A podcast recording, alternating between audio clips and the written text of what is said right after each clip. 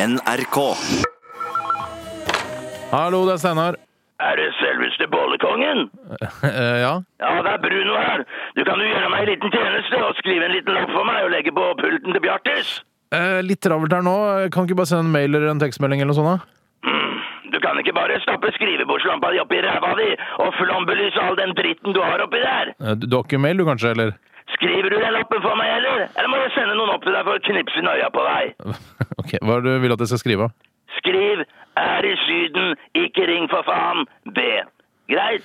Fa- for Faen, greit. Den har jeg, vet du. Ja, det var ikke så vanskelig det der, Steinar. Jeg håper ikke at du stakk deg til blods på blyantspissen eller papercut av huet av deg på post-it-lappen.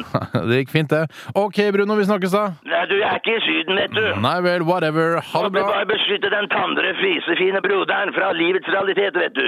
Men sånn er det når moderen presterer å presse ut den ene psykiatriske pasienten etter den andre. Ja, Bortsett fra deg, da, regner jeg med. Stemme på en prikk til kukken. Jeg er mentalt råsterk, skal jeg si deg. Om jeg så må sitte innestengt her på en av Ilas mindre luksuriøse celler og må lukte på fisen min i noen måneder, så gjør det faen meg ingenting, det, vet du. Det gjør meg bare sterkere, skjønner du det, kukken? Ja ja, greit. Slapp av, Bruno. Men hvorfor sitter du på Ila nå? da? Faen, tjukken! Nå merker jeg at du fremdeles har den gode gamle journalisten i deg. Du stiller jævla relevante spørsmål. Du stiller meg faen nesten til veggs her nå, tjukken. Jo, tusen takk for det. Greia var den, ser du, at jeg var nede i kåken hos Lasse, en kompis av meg nede på Grønland.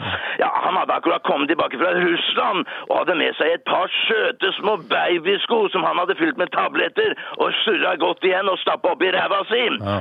Ja, og så hadde jo den ene babyskoen satt seg litt på tverke oppi tarmen der, da. Og akkurat idet jeg hadde fått pirka fast i den ene skolissa, så storma purken kåken, og jeg holdt dessverre litt for hardt i skolissa. Og da jeg ble lagt i bakken, så røska jeg med meg både skoen og tarmen ut av ræva på Lasse! Faen! Så dere ble tatt med buksa nede, med andre ord?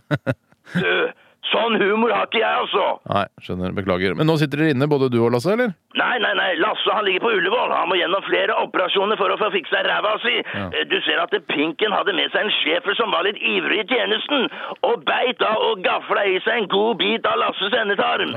Ja ja, nå er enden er god, og så videre. Pokkekukken, du er litt av en frekkas! Hadde jeg hatt det her, så hadde jeg stifta sammen skinkene dine og servert taffelstikser fra kneskåla dine!